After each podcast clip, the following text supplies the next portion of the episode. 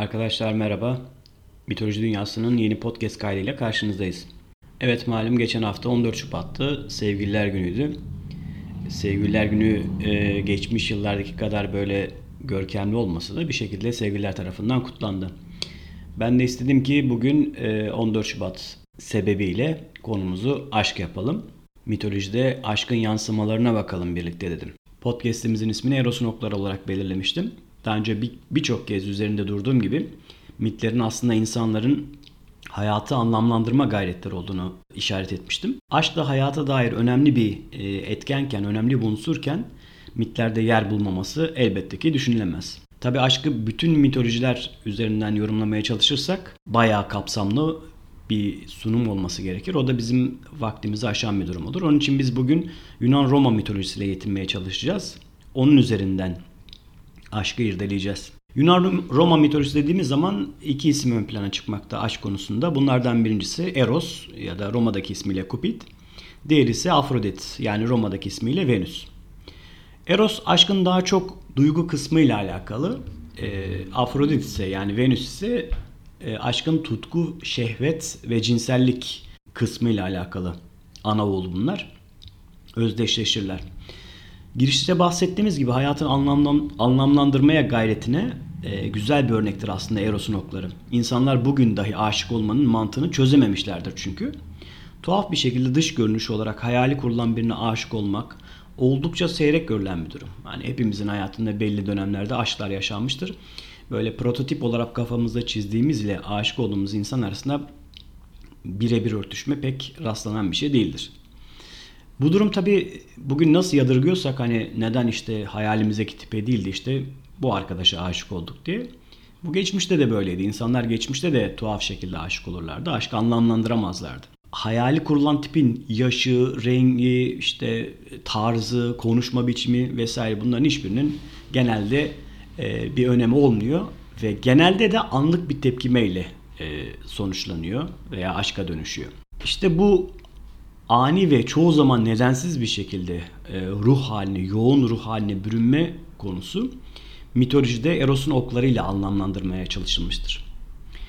Özetle Eros nişan alır ve okunu fırlatır. Ma oka maruz kalan kişi okun büyüsüne kapılır ve karşısına çıkan ilk kişiye aşık olur. Hatta e, kimi zaman Eros'un e, hedef alıp oku fırlatmasına bile gerek yoktur. Onun okuyla yaralanmak bile aşık olmak için kafidir. Buna en iyi örnek de tabii ki annesi Afrodit'tir. Afrodit e, bir kır gezisindeyken Eros'a rastlar ve o an bir sevgi damarı tutar. Eros'a sarılır işte. Oğlum evladım derken Eros'un sırtındaki oklardan biri Afrodit'e değer ve Afrodit'i yaralar. Afrodit bu yaranın etkisiyle e, aşık olma moduna girmiştir. Yani o büyüye kapılmıştır. Ve karşısına ilk çıkan Adonis'tir. Aslında Adonis konusu mesela daha başlangıcından beri Afrodit tanımaktadır Adonis'i. Çünkü annesiyle alakalı işte e, bir lanet söz konusudur. Ve o lanetten doğmuştur bu Adonis. Ve sonunda bir ağaç kovuğundan çıkar hatta Adonis. Ama belli bir yaşa geldikten sonra işte biraz büyük ettikten sonra Afrodit onu ilk kez görür ve orada okun da etkisiyle Adonis'e aşık olur. E, Adonis'in e, yaşına gelebilmesi için işte hani e, karşılıklı aşk yaşayabilecek yaşa gelmesi için e, güvenli bir yere emanet edilmesi gerektiğine inanır Afrodit ve onu Persephone'a emanet eder. Yani yeraltı dünyasının kraliçesine. Hades'in karısına. Persephone bu emaneti kabul eder ve Adonis'i yeraltı dünyasında ona bakar, büyütür, korur. Fakat e, Persephone'un bu tutumu zamanla e, Adonis çünkü çok yakışıklı, çok e, çekici bir erkektir. Zaten bugün de ön tarafımızda ka- karın kaslarının hemen altındaki Adonis kasları da adını Adonis'ten almaktadır. Onu da küçük not olarak düşelim ki biraz sonra sebebini anlatacağız. Persephone bu güzel gençten etkilenir ve o da aşık olur.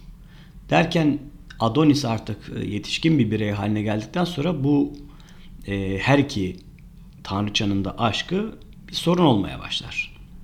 Bir tarafta Persephone'un aşkı, bir tarafta Afrodit'in aşkı. Tabi bunların ikisi de evli aslına bakarsanız ama aşk farklı bir şey. Hani evlilikle veya işte bekarlıkla alakalı bir durum değil. E, aşk yoğun e, duygular silsilesi diyelim. Her ikisi de bu genç ve yakışıklı erkeğe aşıktırlar. Ve ikisi de onu istemektedirler. Derken aralarında ciddi anlamda bir e, sorun çıkar ve sonunda da Zeus'un hakemliğine başvurulur. Zeus her ikisini ikna etmekte başarılı olamaz ve sonunda der ki e, ayın 3 ayı sende kalacak, 3 ayı sende kalacak. Diğer aylara da Adonis'in kendisi karar verecek diye. Adonis zaten şeydir hani kurbandır. Hani bu konuda seçme seçilme hakkı falan yoktur. Hani e, karar verme yetisine sahip değildir. İki tanrıçadır neticede ve üçüncü tanrı da en baş tanrı da hakemlik yapmıştır. Hani Adonis artık buradan sonrasında söz düşmez ki. Zaten Zeus ona belli bir sözde vermiş. Kalan süreyi de Adonis Afrodit'e aşık olduğu için Afrodit'le geçirmeye karar verir. Bu ve bu şekilde devam ederler. Ee, Adonis boş zamanında işte kırlarda dolaşıp avlanmayı seven bir arkadaş. Derken böyle yine e, bir gün dolaşırken Artemis'in koruması altındaki hayvanlardan birini avlıyor. Bu tabi bilinçli bir hareket değil ama neticede Artemis'in kabul edemeyeceği bir durum. Adonis böyle bir yanlışa imza atınca Artemis öfkelenir ve onun peşine işte güçlü bir yaban domuzunu salar. Yaban domuzu epey süre onu kovaladıktan sonra yakalar ve sert darbeleriyle e, göğüs kısmının hemen altındaki kemiklerini kırarak parçalar, oradan işte yaralar. Adonis koşmaya yine devam eder vesaire kan kaybederek e, bu kovalamacı sürer. Afrodit bu durumu uzaktan göz fark eder ve koşar işte Adonis'i kurtarmak için. Afrodit o kadar çıldırmıştır ki hani sevdiği erkeğe e, zarar vereceğinden, ona bir şey olacağından o kadar korkmuştur ki artık hani e, nerede koştuğuna, nereye koştuğuna bakmaksızın işte sadece ona yetişmek için kendini parçalar. Yerde dikenler vardır, yerde çakıllar vardır, yerde taşlar vardır, ağaç parçacıkları vardır ve Afrodit çıplak ayakla koşmaktadır. Buradan işte birçok şey Afrodit'in ayağını parçalar. Her tarafa onun kanı saçılır. Afrodit'le özdeşleştirilen e, beyaz güller işte bu koşu sırasında Adonis'i kovalarken yaptığı koşu sırasında ayaklarından e, akan kan neticesinde kırmızıya dönüşür. İşte bugün kırmızı gül e, aşkın simgesi haline gelmesi de buradan kaynaklıdır. Bir başka çiçeğin öyküsü de yine bu, bu mitle alakalıdır. Adonis kaçarken işte göğsünden akan kanlar e, dağ, bir dağ çiçeği olan laleyi, e, beyaz laleyi kırmızıya bürür ve bugün de bildiğimiz e, kırmızı lalelerin kökeni Adonis'e dayanmaktadır. E, derken bu kovalama neticesinde Afrodit sonunda yetişir ama Adonis için artık her şey çok geçtir.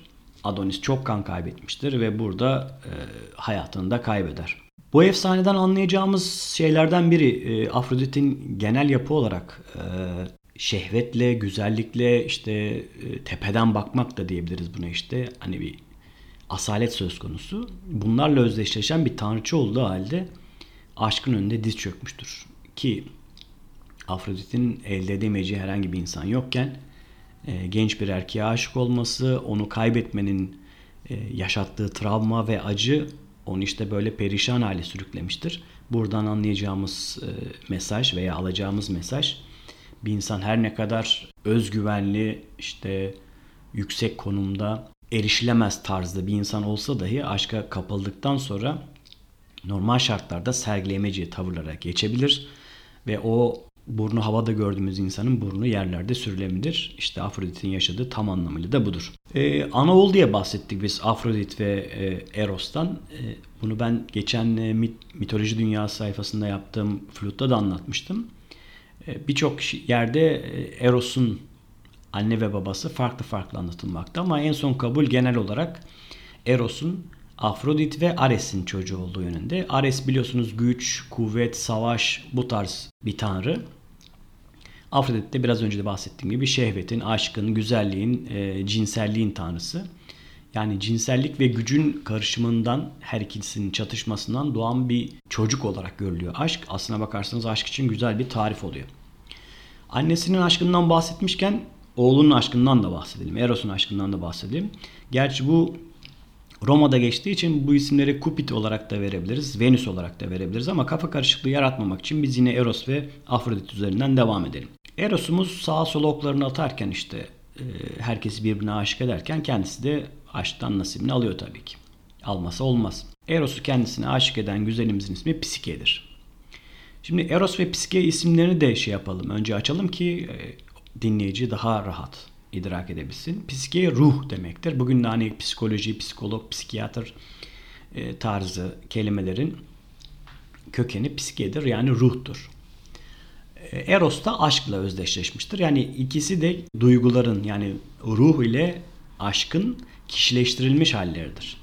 Bu bakımdan bu mitte biz ruh ve aşkın dansını öğreneceğiz. Psike güzeller güzeli bir prensestir. Kendinden daha çirkin olduğu halde 3 tane kız kardeşi sırasıyla evlenmiştir. Hatta küçük olduğu halde. Fakat Psike hem güzel hem de onlardan yaşça büyük olduğu halde bir türlü evliliğe adım atamamıştır. Bundaki en önemli sebep e, Psike'yi beğenmeyecek bir erkek yoktur çünkü çok güzeldir. Fakat erkekler tanrıların gazabından sürekli olarak korkmaktadırlar. Çünkü e, güzelliği fark eden tanrılar işte onun herhangi, herhangi bir şekilde evli olması ya da birisini sevmesine bakmadan onu elde etmeye karar verdikten sonra elde ederler. Buna Zeus da dahildir, Apollon da dahildir, Poseidon da dahildir, e, Hermes veya işte e, Dionysos da katabiliriz bunlara. Bunlarda bir arzu oluştuktan sonra bunlara karşı direnmek güçtür. Erkekler de bunlardan çekinmektedirler. İşte güzel, dünyanın en güzel kadınına sahip olursam tanrıların e, öfkesini de üzerime çekebilirim diye geri adım atmaktadırlar. Psike'nin evlen, evlenmemiş olmasının yegane sebebi budur. Tabi Psike evlenmedikçe babası da durumu biraz endişeyle karşılar. Sonunda bir kahinden yardım ister. Der ki hani diğer kızlarımın hepsi evlendi.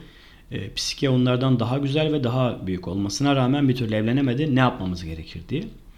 Kahinin verdiği tavsiye işte yakınlardaki bir dağın tepesine Psike'yi bırakmak. E, o gece e, Psike'nin orada geçirmesini sağlamak bir tane tarafından Psike'ye alınıp götürülecektir. Sonrasındaki e, mutluluk onun olacaktır diye kehanet eder. Kral kahinine güvendiği için Psike'yi hazırlar, güzelce giydirir, eder ve bir dağın tepesine işte yakındaki dağın tepesine terk eder onu. Psike tabi her ne kadar kahinin ve babasının sözlerine güvense de korku yaşamaktadır. Çünkü gecedir, yalnızdır, işte rüzgar eser vesaire. E, bunlar o dönemler için korkulacak şeyler. Belli bir zaman sonra bir kasırga tarzı bir şey gelir ve psikeyi alır götürür. Psike kendinden geçer. Gerisini hatırlamaz. Biz rüzgara kapıldığını bilir sadece. Fakat gerisini hatırlamaz. Psike aradan e, belli bir zaman geçtikten sonra gözlerini açar ki bayağı muhteşem bir saraydadır. E, sarayda işte hizmetçiler koşturmaktadır. Buna e, o sarayın hanımı gibi davranmaktadırlar vesaire. Orada anlar ki Aa, ben bir tanrıya gelin oldum. Bir tanrı beni alıp buraya getirdi. Sonrasında uyuduktan sonra her yer karanlık olduktan sonra hani sarayda ışıklar kapatıldıktan sonra yanına birisi gelir. O onun kocasıdır. Psike işte kocasıyla gayet güzel vakit geçirir.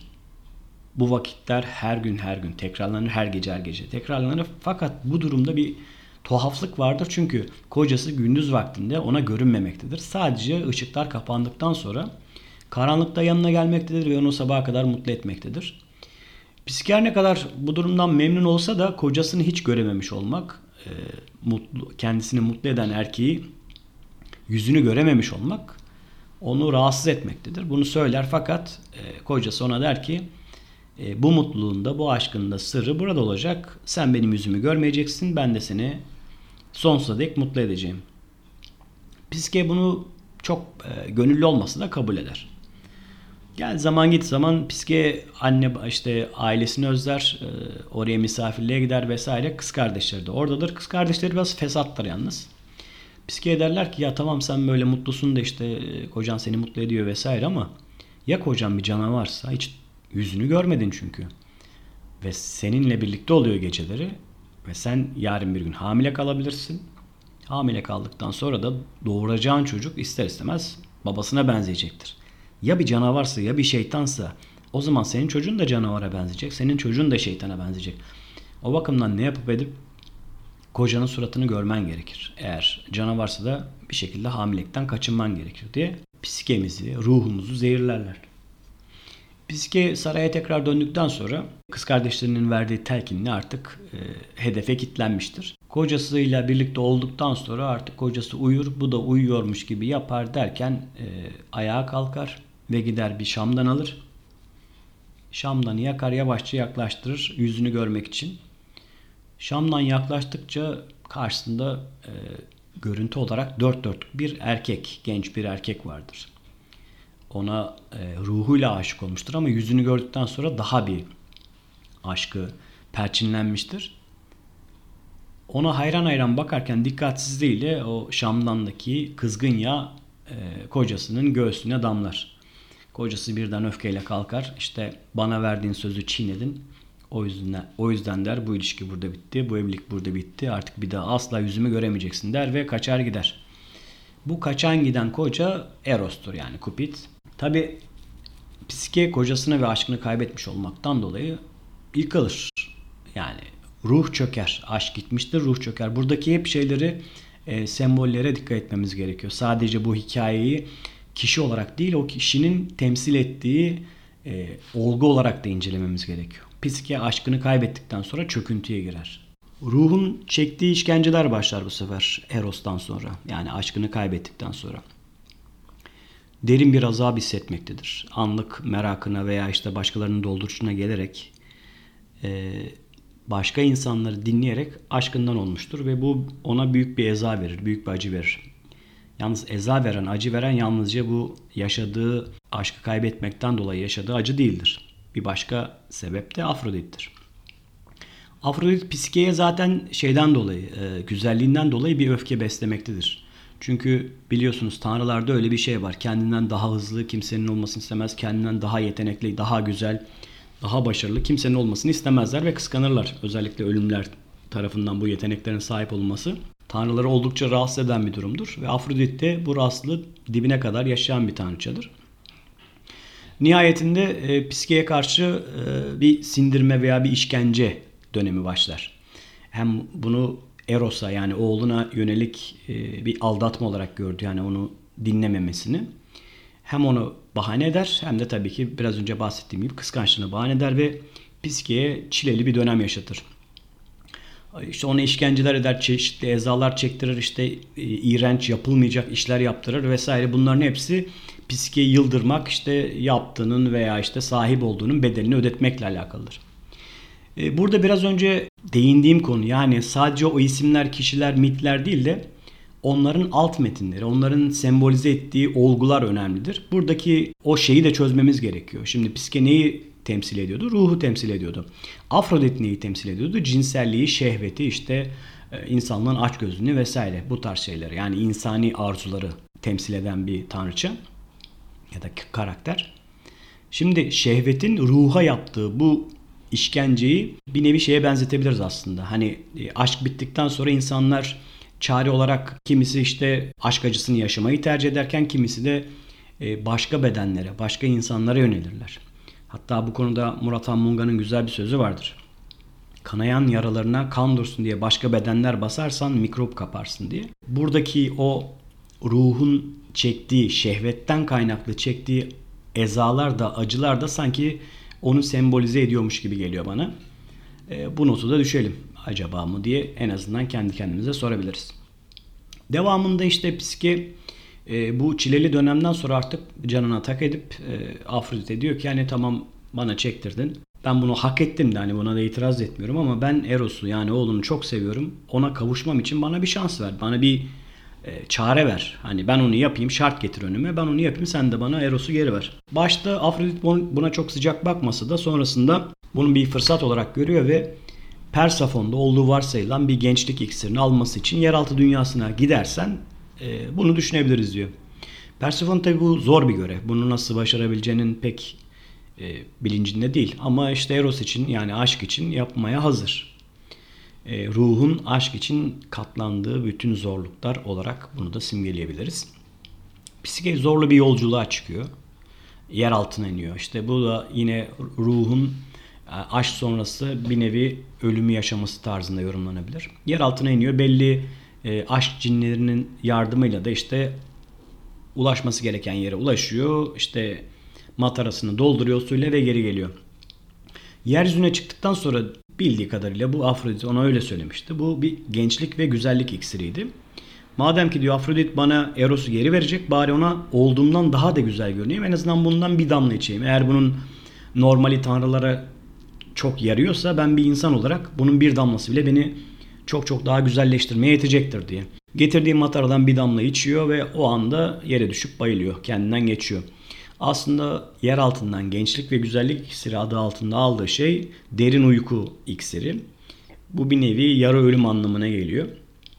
Bunun tabi aşk cinlerinden vesaire Eros'un haberi oluyor. Eros önce annesinin ona ettiği ezalardan haberdar oluyor. Daha sonrasında annesinin ona getirdiği şartı öğreniyor ve Psike'nin bunu göze alarak yeraltı dünyasına indiğini ki oradan çıkmak kolay değildir. Normalde giren pek çıkamıyor oradan. Psike de bunlardan ender insanlardan biridir geri gelebilen. Bunları göze alıp sadece kendisine kavuşmak için yani aşka kavuşmak için ruhun bu kadar eza çekmesini çok kıymetli buluyor ve çok etkileniyor. Derken işte oklarından birisini çıkarıyor ki bu oklar sadece aşk işine yaramıyor. Biraz da şeyi var, sihri büyüsü de var. Gerekli büyüleri yaparak işte psikeye batırdıktan sonra ruhu uyandırıyor ve ruhla aşk birbirlerine kavuşuyorlar. Sonrasında Afrodit'in onayı da geliyor artık. Çünkü e, psikeye onun için o kadar tehlikeyi göz aldığına göre gerçekten oğlunu seviyor manasına geliyor bu. Ve Eros psikeyi alarak Zeus'un huzuruna çıkıyor. Diyor ki ey yüce Zeus işte biz bu kadar zorla katlandık senden e, bana aşkımı ölümsüz kılmanı istiyorum diyor. Ve ruha ölümsüzlüğü Zeus bağışlıyor. Bu sayede herkesi aşık eden Eros'un kendi aşkını da mutlu sonla bittiğini öğrenmiş oluyoruz. Yavaş yavaş finale gelirken işte hem annesinin hem kendinin aşkından bahsettik Eros ve Afrodit'ten. Bir de e, Shakespeare'e Romeo ve Juliet'ine ilham olan bir hikayemiz var. Onu da anlatıp kaydımızı sonlandıralım. Evet hikayemiz Babil'de geçmektedir. Komşu hikayelerinin çocukları olan e, Piramus adındaki genç erkekle Tisbe adındaki güzel kız birbirlerine gönül verirler. E, bunlar beraber büyüdükleri halde işte, işte aileleri birbirlerini tanıdıkları halde aile arasında bir husumet doğar. Birbirlerine karşı mesafeli dururlar. Fakat e, bu gençlerin arasındaki sevgiye bu husumet etki etmez. Birbirlerini severler. Hatta bahçelerini ayıran duvar vardır. O duvardaki gedikten görüşürler. Birbirlerine olan aşklarını e, anlatırlar. Buluşurlar, öpüşürler, koklaşırlar. Neyse her iki genç de ailesini ikna etmeye çalışır birbirleriyle e, evlenme konusunda. İki aile de duruma sert bir şekilde karşı çıkarlar. E, sonunda artık gençler ailelerini ikna edebilme umudunu tamamen kaybederler. Ne yapsak ne yapsak en son çare olarak buluşup birlikte uzaklara, uzak diyarlara kaçmaya karar verirler. Buluşacakları yer bir mezar başındaki dut ağacının altıdır. Her ikisi de ailelerinden uyumalarını beklerler. Evde sessizlik hakim olduktan sonra evden çıkacak ve o dut ağacının altında buluşacaklardır.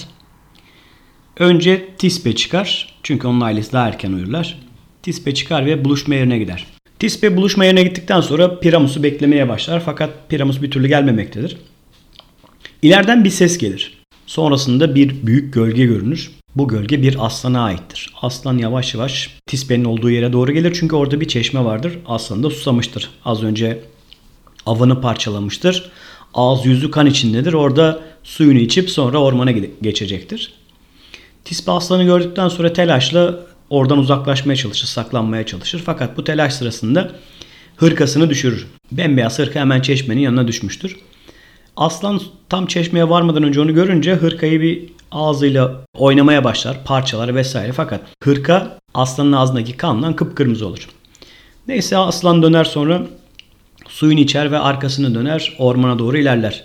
Tam o ormana girmeden önce Piramus buluşma yerine gelmiştir ve aslanı arkadan görür. Buradan bir aslan geçti diye. Umarım der Tisbe güvendedir der ama e, ağacın altına vardığında orada Tisbe'nin kanlı hırkasını görür. Hemen tanır zaten o hırkanın Tisbe'ye ait olduğunu.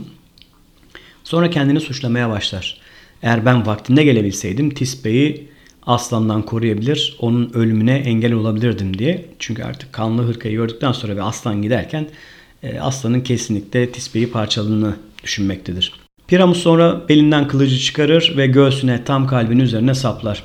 Kanlar içinde yere yığılır inanılmaz derecede kan akar. Öyle ki hatta işte hikayedeki anlatıma göre, betimlemeye göre kan fışkırır ve dut ağacının üstündeki dutlara kadar sıçrar ve onların rengini değiştirir.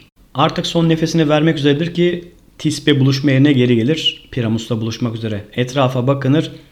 Yerde yatmakta olan Piramus'u görür ve telaşla ona doğru koşar. Piramus artık son nefesini vermek üzeredir. Üzerine kapaklanır, ağlamaya başlar. Piramus ona son kez bakar ve gözlerini yumar. Sonrasında Tisbe onun göğsündeki kılıcı çıkarır ve henüz kanı üzerindeyken aynı kılıcı kendi göğsüne saplar ve der ki ikimizi ancak ölüm ayırır diye düşünürdüm ama ikimizi birleştiren ölüm olacak. Orada iki sevgili birlikte can verirler. İkisinden akan kanlar e, ağacın kökünü sular ve ağacın meyveleri artık dutlar beyaz değil kırmızı renkte koyu renkte çıkmaya başlar. Sonrasında her iki aile de e, çocuklarını bulamadıklarında aramaya koyulurlar ve nihayetinde onları koyun koyuna yatarken bulurlar dut ağacının dibinde. Her ikisini de yakarlar ve küllerini birlikte yan yana koyarlar bahçenin duvarının iki yanına. Onları bir nevi aşklarını ölümsüzleştirmiş olurlar.